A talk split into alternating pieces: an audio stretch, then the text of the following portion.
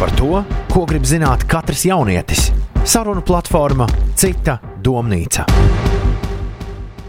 Mans vārds ir Karmēns Stepanova, un tu esi pieslēdzies 5 LV, kur šajā brīdī sākam jaunu epizodi sarunu platformā Cita domnīca. Protams, ne tikai 5 LV ēterā var klausīties šo raidījumu pirmdienās 19.30.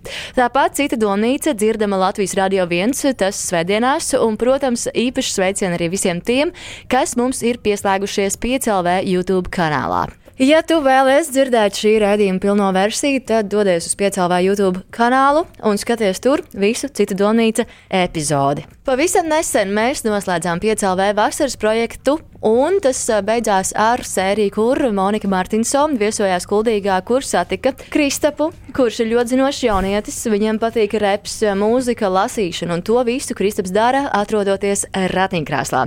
Viņa brālis Krists ir profesionāls BMX braucējs un ļoti aktīvs jaunietis. Viņus abus mēs iepazinām Brīdī, kad Monika atradās Kultūrā, un puiši viņai parādīja, kur Kultūrā vislabāk doties, kur ēst, kā atpūsties un kā pavadīt laiku.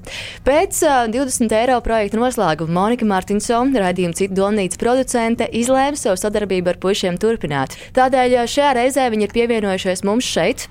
Radījuma cita domnīca studijā, un līdzi ir arī viņu māma Ingūna Sveiki! Sveiki! Jau visam drīz sāksim sarunu, bet pirms tam uh, ir vērts parunāt par to, ka, kādēļ jūs esat šeit. Mūsu mērķis šajā reizē, citā domnīcā, runāt par sabiedrības viedokli, par diagnozēm, par cilvēkiem ar invaliditāti un cilvēkiem, kuri savu dzīvi pavada ratiņkrēslā. Neatkarīgi no tā, vai tas ir kaut kas, kas ir iegūts uh, piedzimstot, vai tas ir kaut kas, kas ar cilvēku ir noticis dzīves laikā. Ir svarīgi apzināties, ka šādi cilvēki mūsu vidū ir. Viņi nav ne ar ko atšķirīgi, vai sliktāki, vai kā tam līdzīgi. Un ir svarīgi saprast, kā mums visiem sabiedrībai virzīties uz vienlīdzību un kā mums panākt to, ka apstākļi, kas ir mūsu pilsētvidē un ārpus tās ir piemērota ne tikai mums, kuriem šķiet, ka viņiem viss ir, bet arī cilvēkiem, kam iespējams ir nepieciešama kāda lēzenāka uzbrauktuve, ir nepieciešama situācija, kur tu vari pārvietoties pa ielu, nebaidoties, ka tu pēkšņi apstāsies vai kaut kur iesprūdīs, varēs čērsot tramvajas lietas, un tie ir tikai ziediņi, un tie patiesībā lielajā bildē ir tikai daži no punktiem, kuriem būtu jāpievērš uzmanība. Protams, tam visam mēs iziesim cauri šajā citā domnīcā. Iespējams, um, runājot par cilvēkiem ratiņkrēslos un cilvēkiem ar invaliditāti, tu atceries, ka īsi pirms šī gada vasaras medijos nokļuva ziņa, kur kāds cilvēks um, tika izraidīts no ēstuves tikai tādēļ, ka apkalpojušam personālam šķita, ka tas, kā viņš ēd, varētu traucēt eh, citiem cilvēkiem. Tas, protams, raisīja rezonanci, tas izsauca cilvēkos sašutumu. Un tas nav vienīgais no šādiem gadījumiem. Ir bijušas arī šeit, spēles, pat, kur cilvēki ir lūgti aiziet tikai tādēļ, ka viņi ir ratiņkrēslā vai viņi ir cilvēki ar invaliditāti. Tādēļ eh, ir svarīgi saprast to, kādēļ, kādēļ tā notiek un kas īsti ir tas, kas eh, raisa šādas situācijas. Mums ir ļoti svarīgi, jo mēs vēlamies ne tikai paši aizdomāties, bet arī lūgt tevi aizdomāties par to, kādā sabiedrībā mēs dzīvojam, kāda esam mēs paši un vai spējam uztvert visus mums apkārt esošos vienlīdzīgi. Pirms sākam sarunu, vēlos nodot sveicienus mūsu draugiem invalīdu un viņu draugu apvienībai Apērons, kuri mums ir palīdzējuši šī raidījuma tapšanā. Un telefona sarunā viņi saka sekojošo. Jā, tā ir taisnība, ka Latvijā invalīdi baidās, mēdz kautrēties, mazāk dara lietas, kuras viņu interesē, kuras dara citi cilvēki. Taču nevajag arī uz cilvēkiem ratiņkrēslā skatīties kā uz citādiem, nevajag viņus uzskatīt par nabadzīgiem un tādiem, kuri būtu jāžēlo. Nē. Mēs varam uz to skatīties ar empātiju, vēlmu palīdzēt un apņemties viņu ikdienu padarīt pēc iespējas labāku un, protams, vidi pieejamāku visiem sabiedrības locekļiem. Kā jau minēju, šeit saruna platformas Cita domnīca studijā man ir pievienojies Kristaps. Sveiks, Kristap! Vēlreiz! Sveiki. Pievienojies arī viņa brālis Krists. Čau! Un māma Ingūna. Sveiki. Sveiki jums visiem! Cik jūsuprāt ir svarīgi runāt par šo tēmu, par vienlīdzību, par cilvēku iekļaušanu sabiedrībā? Nu, es domāju, jo vairāk, jo labāk. Un visās, visās iestādēs, sākot ar bērnu dārziem. Kā iespējams, uh, Ingu, un tu ieteikt bērniem uh, skaidrot, kā nelikt viņiem brīnīties, bet kā viņiem izskaidrot, ka tas ir arī cilvēks? Nu, tā arī paskaidrot, kas konkrēti viņam kaiš. Ja tas onkuliņš sēž ratos, nu, tad vecākiem vai skolotājiem pateikt, ka noteikti viņam ir slimas kājas vai nespēcīgas kājas. Bet nu, gan jau tas cilvēks kaut kur ārstējās, un ar viņu būs kādreiz viss labi. Es domāju, noteikti runāt to, kā ir. Nekādas tur Neizpušķot, neizpušķot, vai arī nepagriezt to bērnu uz otru pusi un aizraut prom, lai, lai neredz. Lai neredz. lai neredz. Nu, nu, es tā domāju. Un... Kā jūs abi brāļi domājat? Cik ļoti svarīgi ir runāt par šādu tematu un iespējams kā par to runāt? Ir ļoti svarīgi par to runāt un runāt, jo mēs visi esam vienlīdzīgi, jo vairāk cilvēki mums tādus iepazīs, jo labāk. Invaliditātes nav.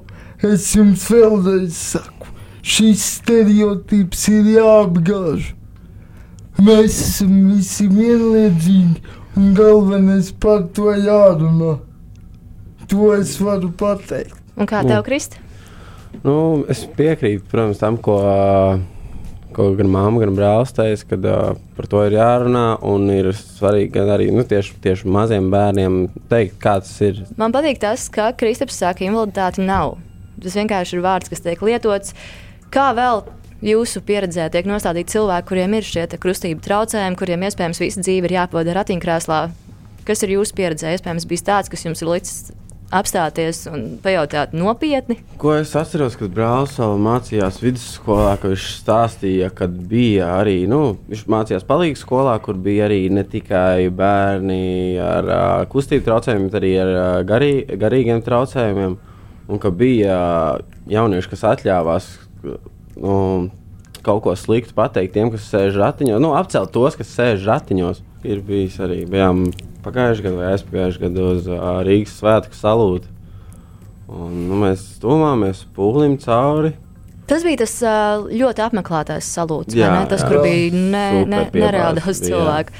Un mēs tepat arī pie strēlnieka laukuma kaut kur stūmāmies, un tad uh, viens krieviski runājošs vīrs nu, tad, uh, izteicās. Nu, es krievu nesaprotu, nezinu, ko viņš teica, bet neko mīļu viņš neteica. Varam pateikt to diezgan nepatīkami piedienīgus vārdus. Jā, nu tā ka. Nu, ne, ir, ir situācijas, kad citreiz uh, nokaitina tie garām gājēji, vai arī toreiz tajā lielā burzmā, ka tā var rīkoties. Nu, Un tu esi laimīgs, tu staigā, un mēs braucam ar ratiem, vēl tā jau pa to brūģi grūti, un, un mēģinām izlīst starp cilvēkiem. Un, un jūs atļaujaties mūs tur nolamāt konkrēti, lai mēs vācamies malā vai kaut ko tādu ir brīži, ir tādi, baigmās tādi brīži bijuši, kad, nu, kad es sadusmojos par to. Bet pāris reizes ir tā, ka, nu, ka gribās kaut ko pateikt. Tagad, ja man kāds pateikt, es pateiktu, ko tu teici? Kristofers, tā ka iespējams brālis ir palīdzējis kļūt uh, imūnākam pret visiem šiem retajiem, bet tomēr uzbrukumiem. Gan brālis ir palīdzējis, gan es pats tieku galā ar to pašu tikšanu galā, tāpēc, jo, jo es daudz nodarbojos ar meditācijām. Kā tu atklāji meditācijas un kā tas ir ietekmējis tevi? Nav vairs noslēpums, kāpēc es meditēju, pieskaršos vienai tēmai.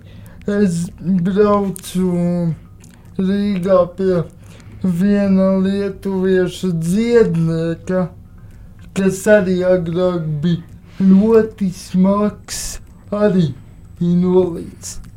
Un viņš pats sevi pašu spēkiem izdziedināja.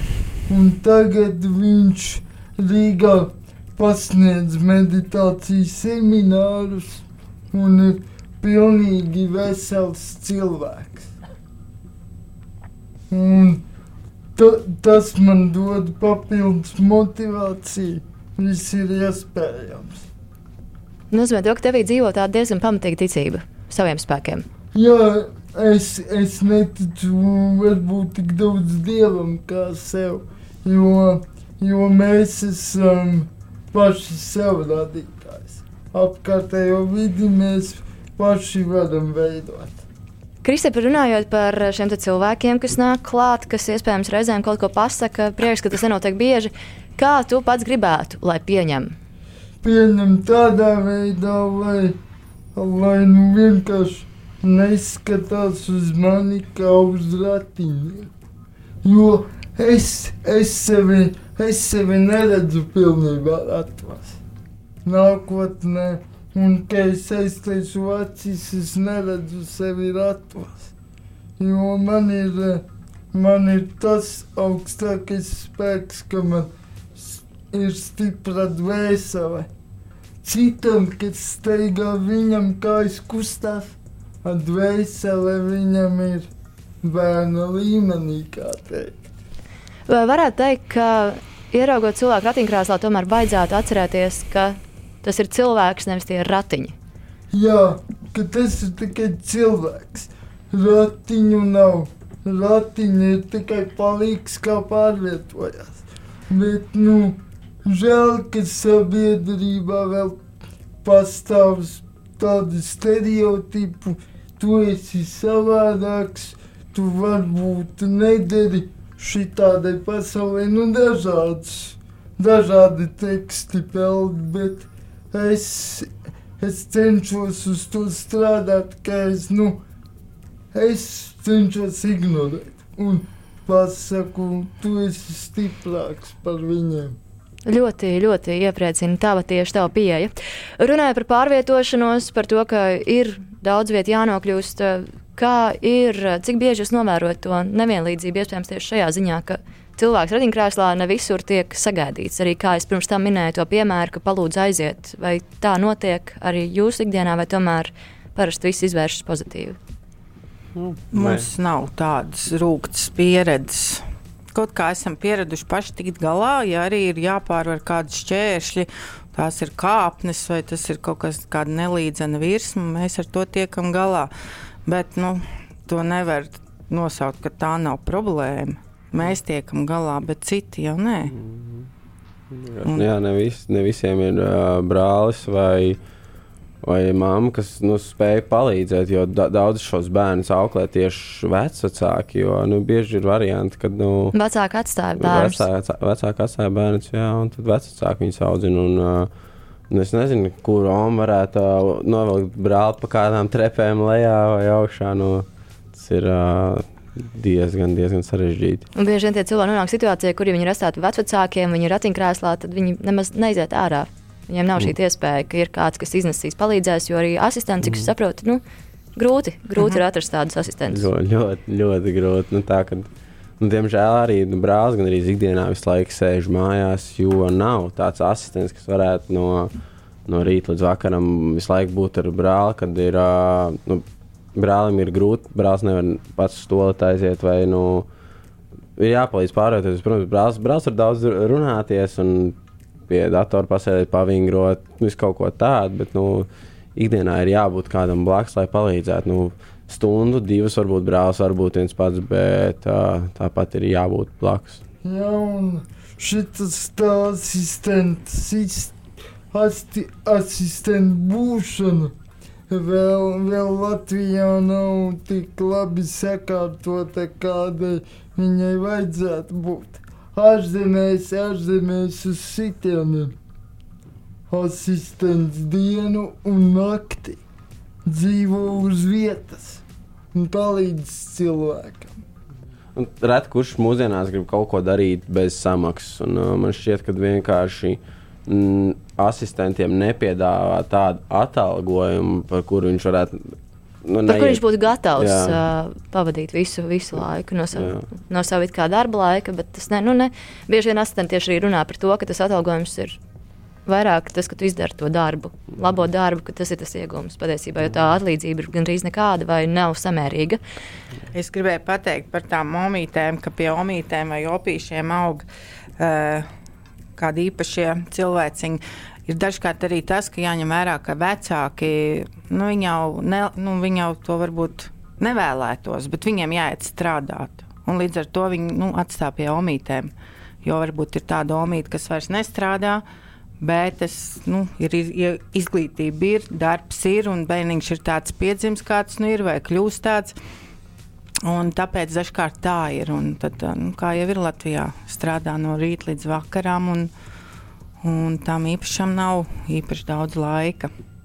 Nu, tā ka nu, nav ka gluži visi atsakās. Nu, kā daļa ir. Mm -hmm. Dzīvojot arī pie uh, vecākiem, tu sāc domāt, kā, kā vecāki. Jo tas ir vienīgais cilvēks, ko tu ikdienā satiec.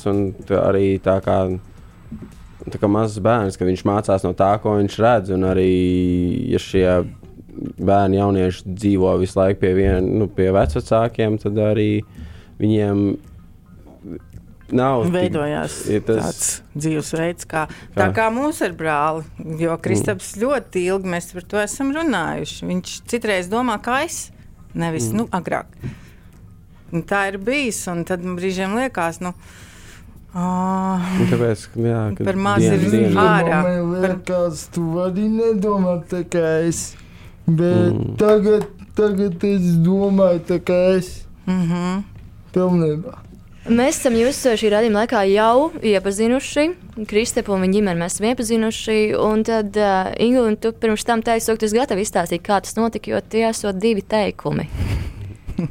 tad, uh, iespējams, kāds ir tas Kristaps stāsts? Nu, ļoti daudz jau bērni dzimst mūsdienās pirms laika. Kristaps arī dzimta pirms laika, tas ir 27. grūtniecības nedēļā. Nu, padomājiet, tas ir ļoti maz un nekādīgi nevarēja saglabāt viņu, kā, nu, kā jau tas ir. Un ceturtā dienā klīniskā nav Kristapam bija, un tā bija vairāk stundu garumā, un, un tad viņš elpoja, un tad viņš atkal neelpoja, tad doktori īsti nesaprata, vajag to skābekli likt uz to galviņu virsū, tādu bundulīti. Vai nevajag, tad viņi beigās saprata, ka nevajag, jo viņš cīnās pats. Tad No rīta man teica, ka Kristaps ir miris. Tad, kad sarunāju, sazvanīju savus tuviniekus, viņi atbrauca. Ilgi pie manis sēdēja, un kad es gāju atkal augšā, lai kārtotu drēbes, lai dotos mājās, man teica, ka viņš ir dzīvs. Un no tās dienas mēs divus mēnešus bijām slimnīcā. Nu, tas ir stāsts par Kristapu, un par Kristu ir vēl trakāk. Kristus gribēja dzimt 25. nedēļā. Bet mazliet bija attīstījusies, es gribētu tā teikt, medicīna. medicīna un uh, tiešām man izglāba slimnīcā, un es ilgi gulēju, trīs mēnešus, un viss ir kārtībā. Nu, ar nelielām sākuma problēmiņām, bet paši redziet. Caurums sirdī. Caurums sirdī, un šur tur kaut kāda gūža izmežģīta, bet viņš ir staigājošs. Nozīmē to, ka jau uh, Kristapam dzimstot, jūs tikāt izvest cauri principā, visām emocijām. Jo, jā, mm -hmm. jā. Pilnīgi. Pilnīgi. Un viņš bija tik maziņš kā cukurpaka. Es. es. Tu, jā, kilo 200. Un ar šo, šo varu pateikt, augstākie spēki mani atgriez tur, kur esmu. Mhm. Bija cīnītāji. Jā, joprojām mēs. Tieši Jā, tā. tas ir tieši tas, ko es gribēju teikt pēc Ingūnas stāsta, ka Kristaps turpināja cīnīties. Viņš nav Mhm. īsti padevies nevienā brīdī. Jau pavisam drīz mēs atgriezīsimies citā domnīcā, bet tagad laiks dziesmai. Saruna platformā Cita domnīca. Esam atpakaļ sarunu platformā Cita Donīta. Šajā reizē pie manis viesos un citā Donīcā viesos uh, ir Kristaps, ir arī Krists. Un viņa māma Ingūna. Runājam par vienlīdzību, par cilvēku iekļaušanu sabiedrībā un par to, ka ratiņkrēsls ir tikai pārvietošanās līdzeklis, ratiņkrēslā ir cilvēks. Pirms uh, dziesmas mēs uh, ierunājāmies un sākām runāt par to, kāda vispār bija. Um, Krista piedzimšana. Tur uzzinājām uh, daudz no Ingūnas arī par Krista piedzimšanu, tam mēs arī pieskārāmies. Un, Krista, es vēlos tev jautāt, kā tas ietekmē tavu dzīvi? Ietekmē tā, kad ir, kad ir jādod virsū un nedrīkst padoties. Man katrs, katra, katra dzīves situācija ir izaicinājums. Un es, esmu ar to priecīgs, ka man tādi ir doti. Jo, ja es gribu uz kājām būt, tad pašam sav, savs lietas ir jāuzveic, kas saistās ar fizisko ķermeni un manu būtību. Mēs arī um, aizkadrā jau runājām par to, ka Kristaps ir ļoti iedvesmojošs cilvēks ar savu apņēmību, ar spēku un savu cīnī, cīnīties vēlmi. Kā tas ietekmē jūs, vai jūs arī paši līdzās Kristapam nesat kļuvuši daudz uh, tādi karavīgāki, ja tā var nosaukt? Nu, ir brīži, jā, kad arī es, es aizdomājos par to, kad, uh, kad ko es kungstu, ka es nevaru kaut ko izdarīt vai ko tādu es varu. Man ir vienkārši slinkums. Un tagad uh, pagājušajā gadā par mums filmēja, par mūsu ģimeni filmēja filmu Dāvids un Goliāts. Uh, un, jā, tieši filmas filmēšanas laikā kaut kā vēl, vēl vairāk nāca tā apziņa par, par to, ka uh, mums nav ko sūdzēties. Protams, katram ir savas problēmas, lielākas vai mazākas, bet mums ir uh, dots rokas, kājas un uh, viss, lai mēs to atrisinātu. Tieši pēdējā gada laikā esmu vairāk par to aizdomājies. Nu, brālis ir vecāks man, tāpēc es vienkārši visu mūžu to esmu redzējis un baigi par to. Nav, tas likās viss pašsaprotami, nebija aizdomājies. Bet pagājušajā gadā, jā, kad sāk to filmu filmēt, un filmas veidotājiem bija dažādi jautājumi, tad bija jāsāk rast atbildes uz tiem jautājumiem. Jo, jā, tiešām, kā es teicu, ikdienā par to neaizdomājos. Inga, kā ar tevi, kā Kristaps ir iespējams izmainījis tavu redzējumu par dzīvi? Šis ir šausmīgi grūts jautājums. Visi no malas saka, ka mēs esam, es esmu stipri, mēs esam stipri. Bet vai tas nav tomēr tas klasiskais um, teiciens? Tāpēc es nevaru pateikt, vai es esmu stipra. Jo es daru tas, kas ir jādara. Es jau nezinu, kā ir citādāk. Nav jau tā, ka tu vari vienu dienu izkāpt no tā nē, visa un izlikties, nē. ka tur nezinu, kaut kas ir Jā. mainījies vai ir citādāk. Par, par to stundu vai divām, kad esam prom izskrējuši par savām darīšanām Man visu laiku galva ir pie Kristapa. Mēs uh, pieminējām apēronu jau vairākas reizes, un apērons mums palīdzēja izvēlēties arī piecas galvenās problēmas, kas cilvēkiem ar invaliditāti neļauj labāk integrēties sabiedrībā. Pirmā no tām ir pieejamā vide. Tās ir ietves, ielas, veikali, kafejnīcas, veselības pakalpojumu pieejamība, arī tas, cik pieejams ir izglītības iestādes. Nepietiekams atbalsts, tostarp sociāla pakalpojumu nepietiekams atbalsts. Tas ir gan iepriekš minētais asistentu atbalsts, transporta atbalsts un arī veselības pakalpojumu atbalsts. Kā trešo, Afērons minēja mazos pabalstus, ir ārkārtīgi liels nabadzības risks, ļoti mazas pensijas un kompensācijas. Vēl problēma ir arī nodarbinātība. Ir grūtāk atrast darba vietu, kā arī, ja cilvēks ar invaliditāti nevar piekļūt izglītības iestādēm, tad viss aiziet ķēdītē. Rezultātā grūtāk atrast darbu un strādāt un sevi nodrošināt. Vēl viens punkts, par kuru mēs esam runājuši arī šajā raidījumā, ir sabiedrības attieksme. Ja tas neskar mani personīgi, mani tas neskar vispār. Tāds viedoklis sabiedrībā pastāv, gribam mēs to vai nē, vai mēs ielūkojamies savā acīs vai tomēr nē bet tā vietā, lai šos cilvēkus žēlotu, mums ir vairāk jācenšas viņus veiksmīgi integrēt sabiedrībā, nevis atgādināt, kāds tu esi nabadzīgs un cik man tevis ir žēl. Kā tev ir? Iepriekš mēs runājām par to, ka Kristaps mācījās skolā, kur ir bērni ar īpašām vajadzībām, mm -hmm. kur ir dot dažādi gan ar garīgiem traucējumiem, gan kustību traucējumiem. Vai tas kaut kā maina to izglītības kvalitāti, vai tomēr nē, jo tas stereotips ir tāds, ka tur jau nu, īsti neiemāca, vai ka tur tā vide nav pietiekami laba, ka tie cilvēki bieži vien var būt, nu, kā jau mēs runājām, ar dažādiem viedokļiem, daudz asāki. Kādēļ nebija iespēja palaist, iespējams, vienkārši skolā, parastā skolā? Vai tas ir tādēļ, ka izglītības sistēma nav gatava tam, ka cilvēki ratiņkrēslos nāk un mācās kopā ar tiem, kas ir neratiņkrēslos, kuriem nav nekāda situācija? Prāts, uh, prāta spēja līmenis nu, ne, uh, nebija vienā līmenī. Piemēram, brālis varbūt var iemācīties kaut kādu vēstures, kaut kādus faktus, kaut ko tādu.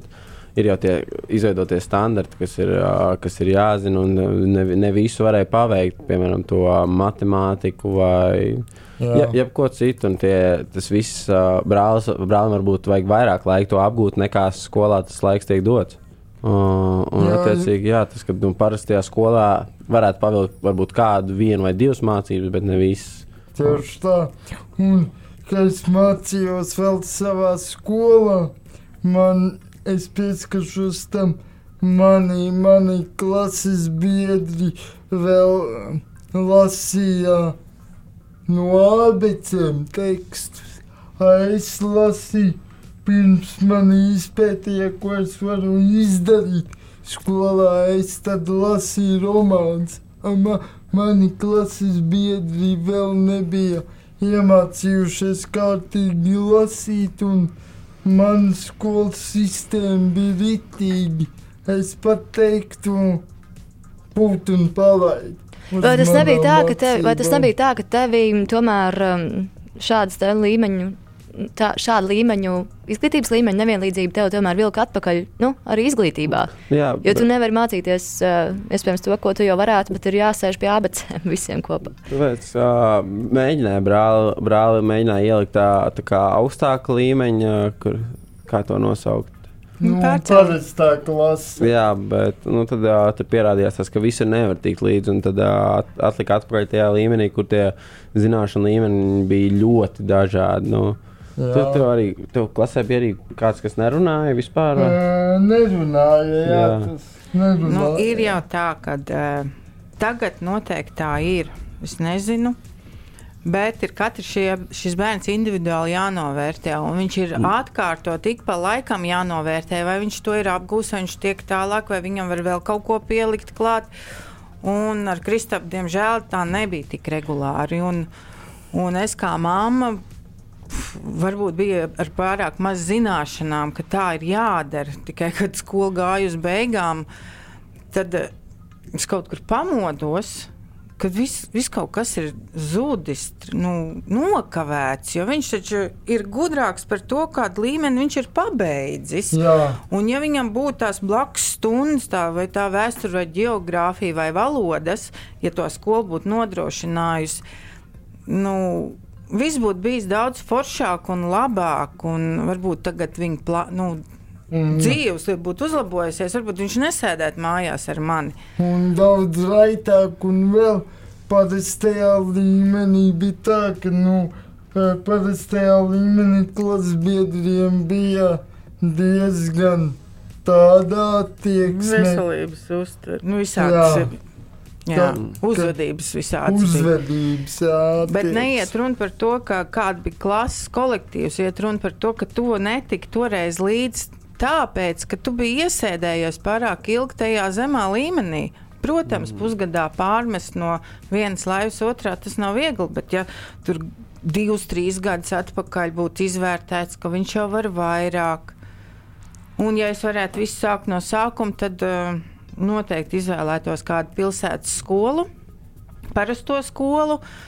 Un, jo tagad jau ir, ir atsevišķs tur izstrādāts programmas, katram piemēro, ko kas kā.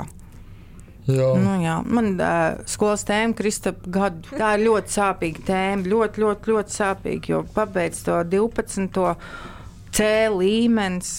Nu, C līmenī, ja mēs izlasītu pēc visiem, kā ir, kas ir C līmenis, tad Kristaps pilnīgi tajā neat, neietilpst. Viņš nav C līmenis, bet, nu, diemžēl, papīros tā ir. Un līdz ar to viss studēšanas vai mācīšanās arī dēļ tā C līmeņa ir nu, traucēts, un nerunāsim par asistentiem un kad Jā. tā tālāk. Nu, Paldies, bet paldies vismaz par šo te godīgo viedokli, par Jā. to, kāda ir tā Un situācija vai kāda tā ir bijusi. Tām mamām, kam ir, ā, nu, kam ir šādi bērni, un uh, ka viņas redz, ja viņi var tie bērni vairāk nekā skola dod, tad ir jācīnās. Jāpanāk viss, lai, lai māca.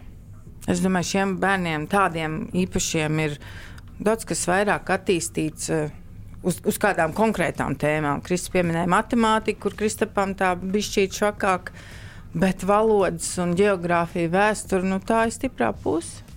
Un tas ir tas, uz ko var koncentrēties. Uz stiprām Jā. pusēm, nedomājot Nu, par to, kas ir ar tām, kuras iespējams nav tik uh, spēcīgas.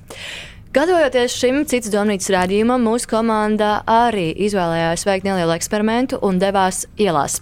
Tas notika kopā ar biedrībā Pērons un YouTube blogeri Edgars Fresh, kuru iespējams iepazina jau cits domnīcas pirmajā šīs sezonas epizodē.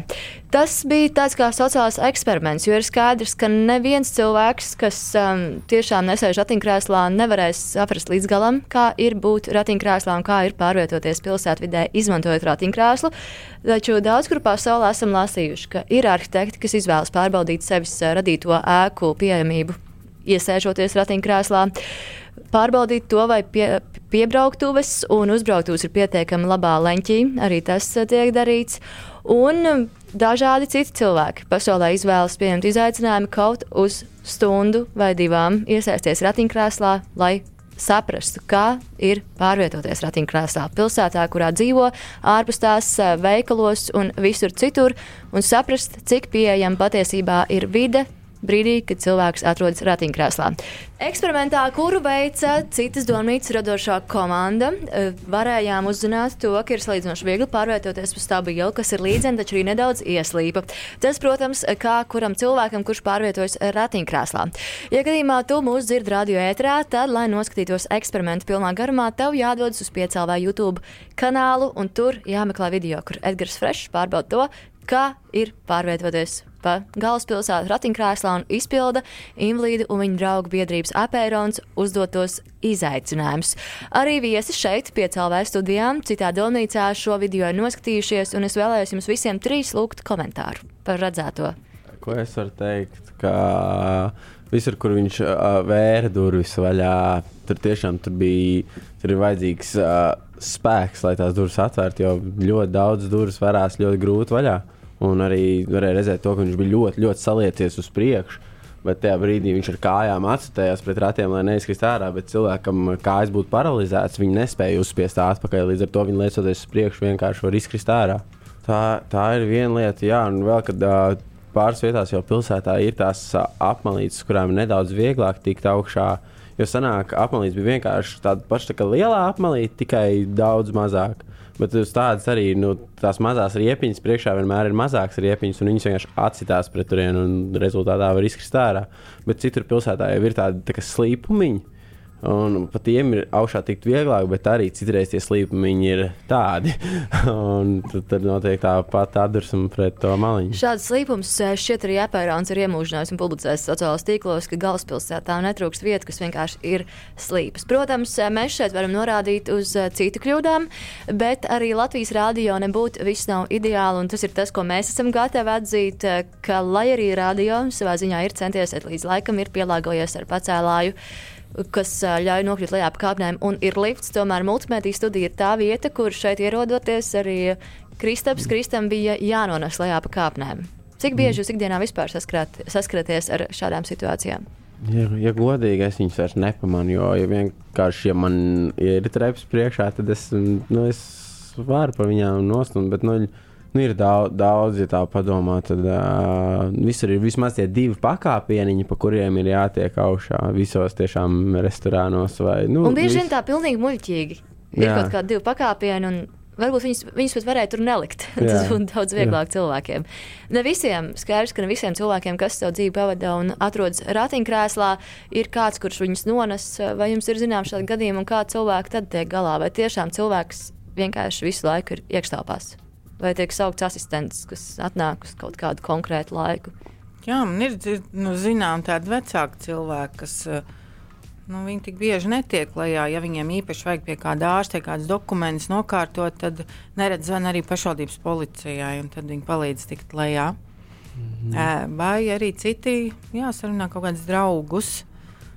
Bet, nu, ja mums pašiem kādreiz gadās, ka man kristāli nav klāt, un kad es vairs nevaru ne uzvilkt, ne no, no, no, nokratīt, tad uh, es ļoti izvērtēju pēc sejas, vai viņš, es varu viņam uzticēties, mm -hmm. vai viņš nepalaidīs vaļā, vai viss būs kārtībā. Jā, šie cilvēki arī. Uh, Bailes uzticēties citiem cilvēkiem, jo tomēr nepazīst. Man bija gadījums uh, Rīgā, arī centrā. Tas bija kaut kāds Es neatceros, kas pa veikalu, bet arī bija jātiek lejā pa diviem pakāpieniem. Un sēdēja meitene ratos, un es teicu, ka es palīdzēšu, palīdzēšu. Un viņi tādi bailīgi, jo viņi, nu, viņi redzēs, man, man dredēt vienkārši, ka es palīdzētu. No, Nē, tas ir ļoti, ļoti grūti par tādām vietām nelīdzenām pārvietoties. Kā Kristis jau pieminēja, ja nav stipras kājas, uz ko atspērties, nu tad nu tā arī ir bijis, ka man Kristaps ir nācies ķert vairākas reizes. Nu, tas ir kaut kāda reakcija atstrādāt. Refleks ir. Refleks ir, un es viņu saķeru aiz pleca, un viņš man neizkrīt. Bet, nu, tepat vecrīgā tā ir bijis vairākas reizes. Iespējams, ka mēs varam um, kaut kādā veidā spiest uz to, lai uh, arī Latvija iet līdzi ārzemēm, piemēram, un būtu atsevišķas joslas cilvēkiem ratiņkrēslos. Kaut kas tā. kā bruģis tiek pielāgots, lai nav tā, ka Kristaps nevar aizbraukt uz vecrīgu kaut vai uh -huh. nu, un tā izbraukt cauri, un ka tās patiesībā ir mokas, un tu labāk uh -huh. apēji to vietu nekā tu viņā. Uh Mm, nu, vienu trotuāru uztaisīt ar līdzenu virsmu. Ir daudz, daudz, kur jau viņas ir, bet vienā brīdī viņas sašaurinās tik ļoti, ka cilvēks tikai var iztā, iziet tur sāniski, mm. ja, bet uh, no ar ratiem nedomās tur tikt garām. Bet, ja nav asistents, tad vecrīgi, es domāju, ir Mm, tikai reti kuram. Reti kuram, kas viens pats uh, var tikt galā. Paldies, Nu, nu, nu, jums, paldies jums par viedokļiem. Cita Donīca jau pavisam drīz atgriezīsies piecālē ētrā, un arī Latvijas Rādio 1 ētrā. Tu šo klausies Latvijas Rādio 1 ētrā, un tagad gan dziesma. Saruna platformā Cita domnīca. Esam atpakaļ redzējumā, cik domnīca, un pirms turpinām sarunu, jau pirms dziesmas mēs patiesībā ieskicējām to, ka ārzemēs lietas mēdz darīt citādāk, pielāgojot vidi cilvēkiem, kur pārvietojas ratiņkrēslā vai ir ar īpašām vajadzībām. Un tādēļ ir laiks arī sižetam. Noklausīsimies, ko par šo visu saka Kārlis Podnieks. Sveiciens visiem piecēlēju klausītājiem. Mani sauc Kārlis Podnieks. Esmu profesionāls ratiņbasketbols, pārstāvu Latvijas ratiņbasketbolu izlasi. Ikdienā es pārvietojos ratiņkrēslā, tā kā man ir paveicies nosacīti ar bojājumu līmeni, tad man strādā rokas un ķermeņa augšdaļa ļoti labi. Fiziskā sagatavotība man arī ir ļoti laba, tā kā ikdienā man nekādas problēmas pārvietošanās ratiņkrēslā nesagādā. Galvenais ir sākums, apgūt visus tos pamatus, kā kustās tie rati un kā ar viņiem iemācīties, lai tiktu pāri šķēršļiem. Esmu bijis uh, Hamburgā, rehabilitācijas centrā. Esmu redzējis, ka tur māca ne tikai vienkārši braukt, bet arī tur liekas šķēršļu joslas un ko tādu. Bet nu, pie mums arī es esmu pēdējos gados pamanījis, ka tas arī notiek. Tagad, bet tas ir tikai vajadzīgs, jo ikdienā nav tikai gluds segums un brauc uz priekšu. Jo vajag tomēr arī šādus šķēršļus, lai iemācās, un tad būs tikai vieglāk. Par infrastruktūru mūsdienās, manuprāt, vairs nav par ko sūdzēties. Protams, ir vietas, kur nav tik piemērots vai nav vispār piemēr, pielāgots. Nekur arī ārzemēs, šeit, kur es esmu, visas vietas nu, nav pielāgots. Tas nav iespējams, manuprāt. Tieši Vācijā ir daudz vietas, kur ir atrasts dažādi risinājumi. Tur laikam Latvijā vēl ir kur augt. Par mītu, ka cilvēki ar invaliditāti Latvijā pavadīja daudz laika mājās, var daļai piekrist. Nu, mums īsti tur tādi speciāli pasākumi ir reti, kad, kas būtu jāmaina cilvēku uzturēt. Tā, manuprāt, ir tā domāšana. Vienmēr esmu dzirdējis, ka nekāp ratos nesēdi. Tad tu arī būsi ratos. Nu, tas ir pilnīgākais muļķības. Tā nav tāda slimība, kas ir lipība vai ko. Ja, nu, tev ir tās liktenes un tāda nelaime, vai kas notiek, nu, viss, tas ir savādāk. Šeit, Vācijā un arī Spānijā mēs ar komandu darām skolas programmas, kur mēs braucam un integrējam to, bērnus. Mēs dodam pamēģināt viņiem spēlēt ratiņbasketbolu un dodam pamēģināt ielas ratus. Tad mēs apstāstām atšķirību. Un pēc tam tie bērni ir uz ielas daudz zinošāki. Viņi zina, kad varbūt vajadzētu palīdzēt vai nevajadzētu palīdzēt. Un, jā, manuprāt, tas ir viens tāds, ko varētu arī pamācīties. Latvijā ieviest kaut ko tādu, ja ir iespējas. Es ieteiktu uzdrīkstēties darīt, nebaidīties no kā un jā, izbaudīt dzīvi. Dzīve ir iespējams izbaudīt jebkādā situācijā, tu esi un jā, dzīve dzīvo pilnvērtīgi. Nu, es domāju, ka tā visi zina, ka Kristaps pats ar saviem ratiņiem, bruģi vai pa pa neceļiem nepastu, nepabrauks, viņš ir jāstumj. Līdz ar to mēs tie stūmēji esam gatavi. Bet ir situācija, ka ir jau pie mums, nu, tur pastāvot necik tā rindā, var tikt arī pie elektroniskiem ratiņiem. Nu, teiksim, Kristupam rokas nestrādā, līdz ar to tik labi nestrādā. Ar elektroniskiem ratiņiem viņš varētu pārvietoties, un varbūt citā arī, kam nav tik daudz spēka. Vai jūs piekrītat tam, ka vajadzētu skolās kaut kā veicināt izpratni, Jā, braukt super. un runāt? Super, un... pamācīt, kā kustēties un pārvietoties. Piemēram, Čāls, kas nebija pirms tam, viņš bez zināšanām iesēdās ratiņos. Viņš pat nezināja, ko sagaidīt. Jā, un jā, un ja viņam būtu šis čāls atkal pastāstīt, zini, tur uz augšu, tad tur ratā, tur tā, tur tā, viņam tas brauciens būtu bijis daudz vieglāk un varbūt viņš pat nesūdzētos ne par ko. No Kāļa vairāk kārt dzirdējām to, ka Latvijā jau tik slikti ar to infrastruktūru un pieejamību nav. Kā Nu, ir jūsu pieredze? Viņam ir spēks. Viņam, Viņam ir spēks, spēks, jā. Viņš nesas, jā. Viņš ir stiprs un, mm. un pozitīvs, un ne par ko nesūdzās, kā ir. Tā ir. Viņš ir sev pieņēmis. Dažkārt ir daudz cilvēciņu, kas nav sev pieņēmuši un vēl bēdājās un nīgrojās par to. Un, nu, citādāks dzīves uztver viņam. Nu, Es uzskats, esmu dzirdējis, ka cilvēks, nu, nedaudz atkāpjoties no šī cilvēka, nokļūstot, nokļūstot ratiņkrēslā vai vispār pieļaut domu, ka viņam vajadzētu izmantot ratiņkrēslu, nonāk ļoti tādā skumjā, nomāktā stāvoklī. O, jā, gadiem depresijā Nu, cilvēki apzinu- ir. Jā, Apzināties grūti to, kas ir atņemts. jā, jā. jā. Sākumā posms, kas mm. bija staigājošs uz mm -hmm. kājām pēkšņi. Jā. Jā, ar to ļoti tieši pēc avārijām, tad, kad ir tie cilvēki tādi vai pēc trakām slimībām, Jā.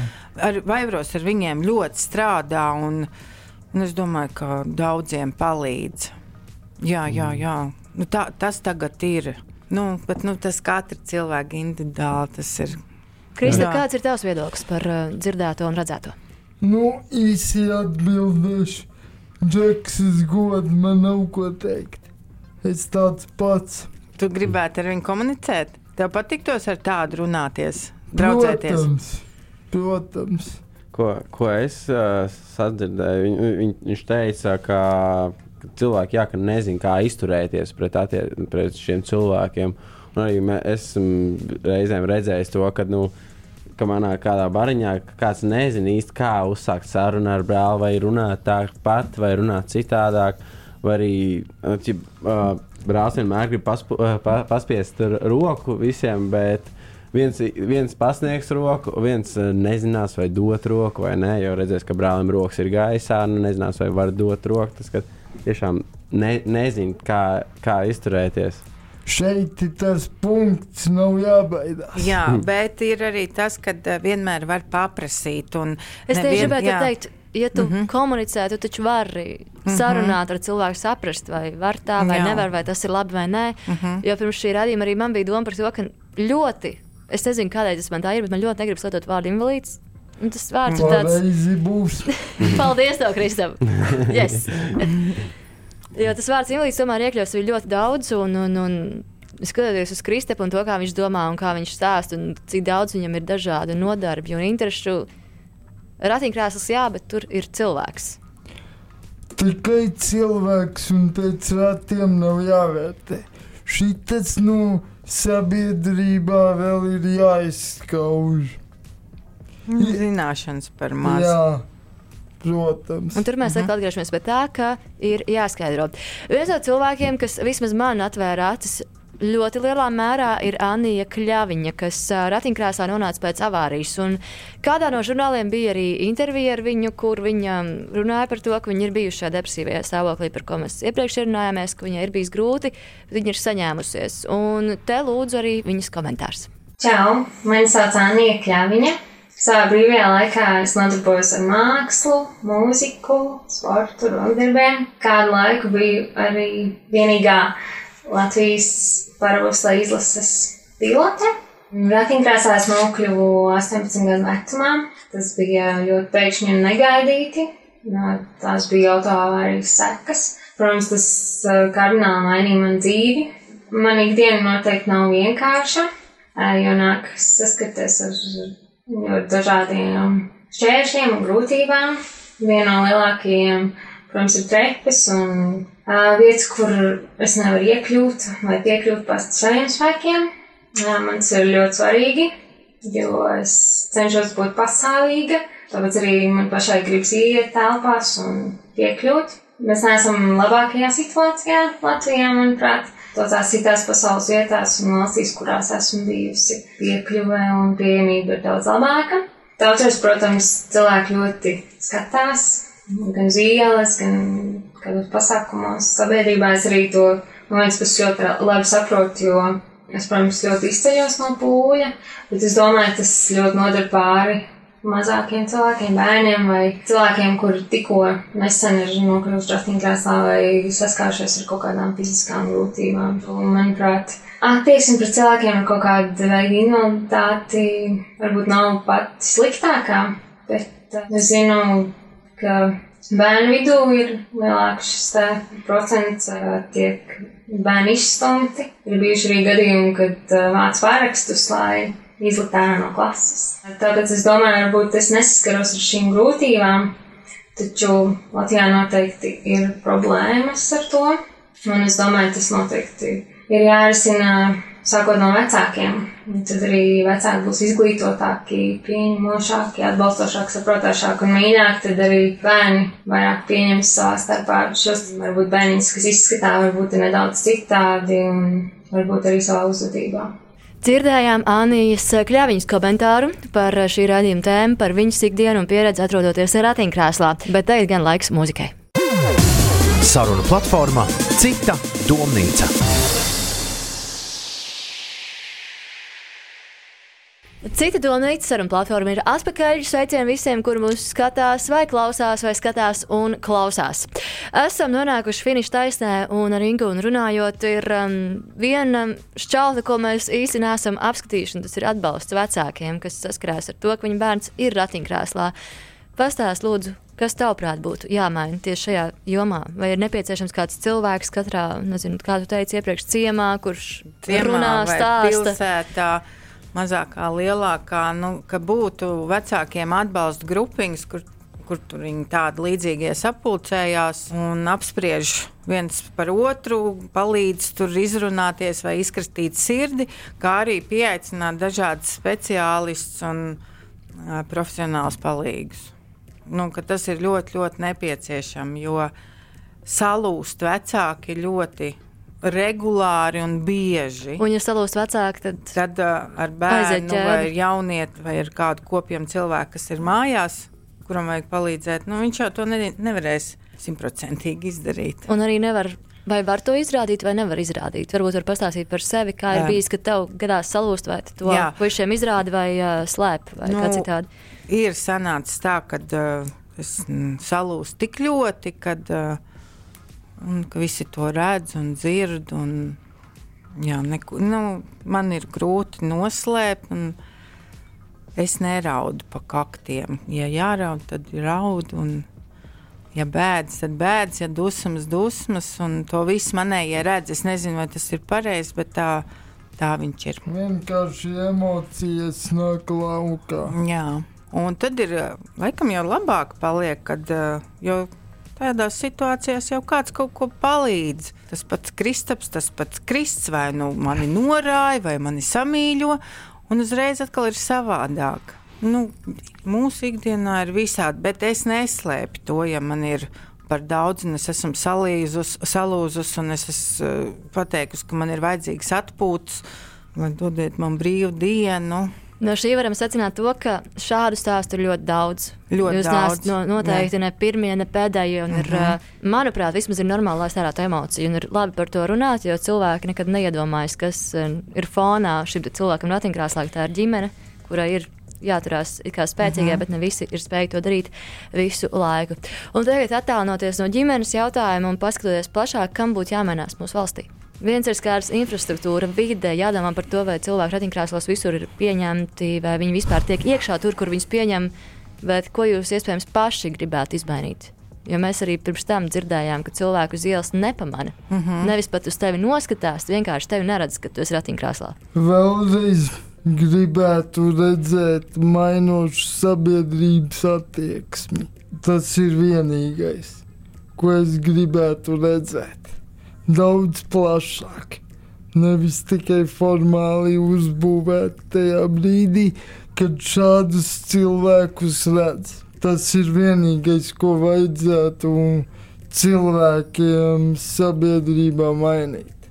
No, no manas puses, manuprāt. Kas man uh, kas patīk, kad, uh, piemēram, ir kaut kādi koncerti un ir tās speciālās uh, biļetes, tā kā invalīds plus pavadonis. Un, kad, jā, man patīk, ka tā cena tiešām ir tikai pa vienu cilvēku. Bet kas bieži vien ir tas, ka viņiem tā vieta ir atvēlēta, bet, lai viņi līdz tai vietai notiktu, nonākt, ir ļoti sarežģīti. Un tur ieslēdzas pavadoņu vajadzības, visticamāk, diezgan lielā mērā. Un, vai arī tās vietas invalīdiem ir kaut kur aizmugurē, nevis priekšā. Un, Kur principā viņi neko neredz, viņi redz jā. tikai cilvēku stāvus. Es vēlētos, ļoti vēlētos jau gadiem ilgi, kad būtu Latvijā iespēja tieši cilvēciņiem ar īpašām vajadzībām, tiklīdz viņi sasniedz pilngadību, viņi varētu palikt patstāvīgi un ka viņiem būtu iespēja kur dzīvot, ka viņiem būtu, kā jau ātrāk pieminējām, tas 24 stundu asistenti, vai viņi strādātu uz maiņām, vai būtu tikai katram viens. Tas ir pēc kādām lekcijām, ko esam klausījusies, kā ir Zviedrijā. Un tā kā Kristapam jau ir 26 gadi, viņš taču varētu sākt dzīvot viens. Protams, es domāju, ka Kristapam jau gribētu būt patstāvīgākam. Protams, it īpaši uz kustību. Nu, jā, nu, protams, es neredzu, kā viņš ar visu tikt galā, bet, ja to nesāks tagad, kad tad? Tad, kad es vairs nebūšu. Vai kad tev kļūs ar vien grūtāk vispār jā. tikt ar to galā? Un tad es varētu viņam palīdzēt, iekārtoties. Protams, ka es pie viņa tur ietu un nāktu, kad tik man kad tik vajadzētu. Bet viņam būtu arī iespēja pateikt, ka viņš, piemēram, negrib jā. ciemiņus tajā jā. brīdī, ka viņš grib palikt viens pats. Nu, jā, bet tas ir, ir, tā ir vieta, telpa, kur tādiem dzīvot, un tajā pašā laikā ir jābūt tam asistentam. Un, ja to varētu valsts kādreiz nodrošināt, tas būtu vienkārši ļoti skaisti ļoti tas labi. Būtu, tas būtu tiešām jo. super, bet pagaidām daļēji melnā bilde par šo, par asistentiem. Jo viņš kā kabatā dzīvo.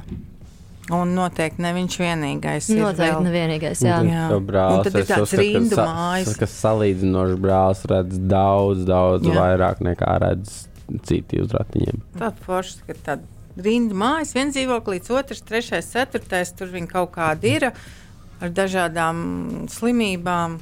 Kāds palīdzētu ēst, taisīt ēst, kāds atkal uzkopt, kāds, kāds pārvietoties un nu, ko katram vajag. Tad, tas ir, es gribētu teikt, daudz vecāku vārdā, mēs visi to vēlētos. Es ļoti ceru, ka jūsu balss tiks sadzirdēta un ar laiku tiks rast, rast risinājumi. Paldies jums, Kristēpa, Kristi un Ingūna, kā ieradāties šeit, citā domnīcā.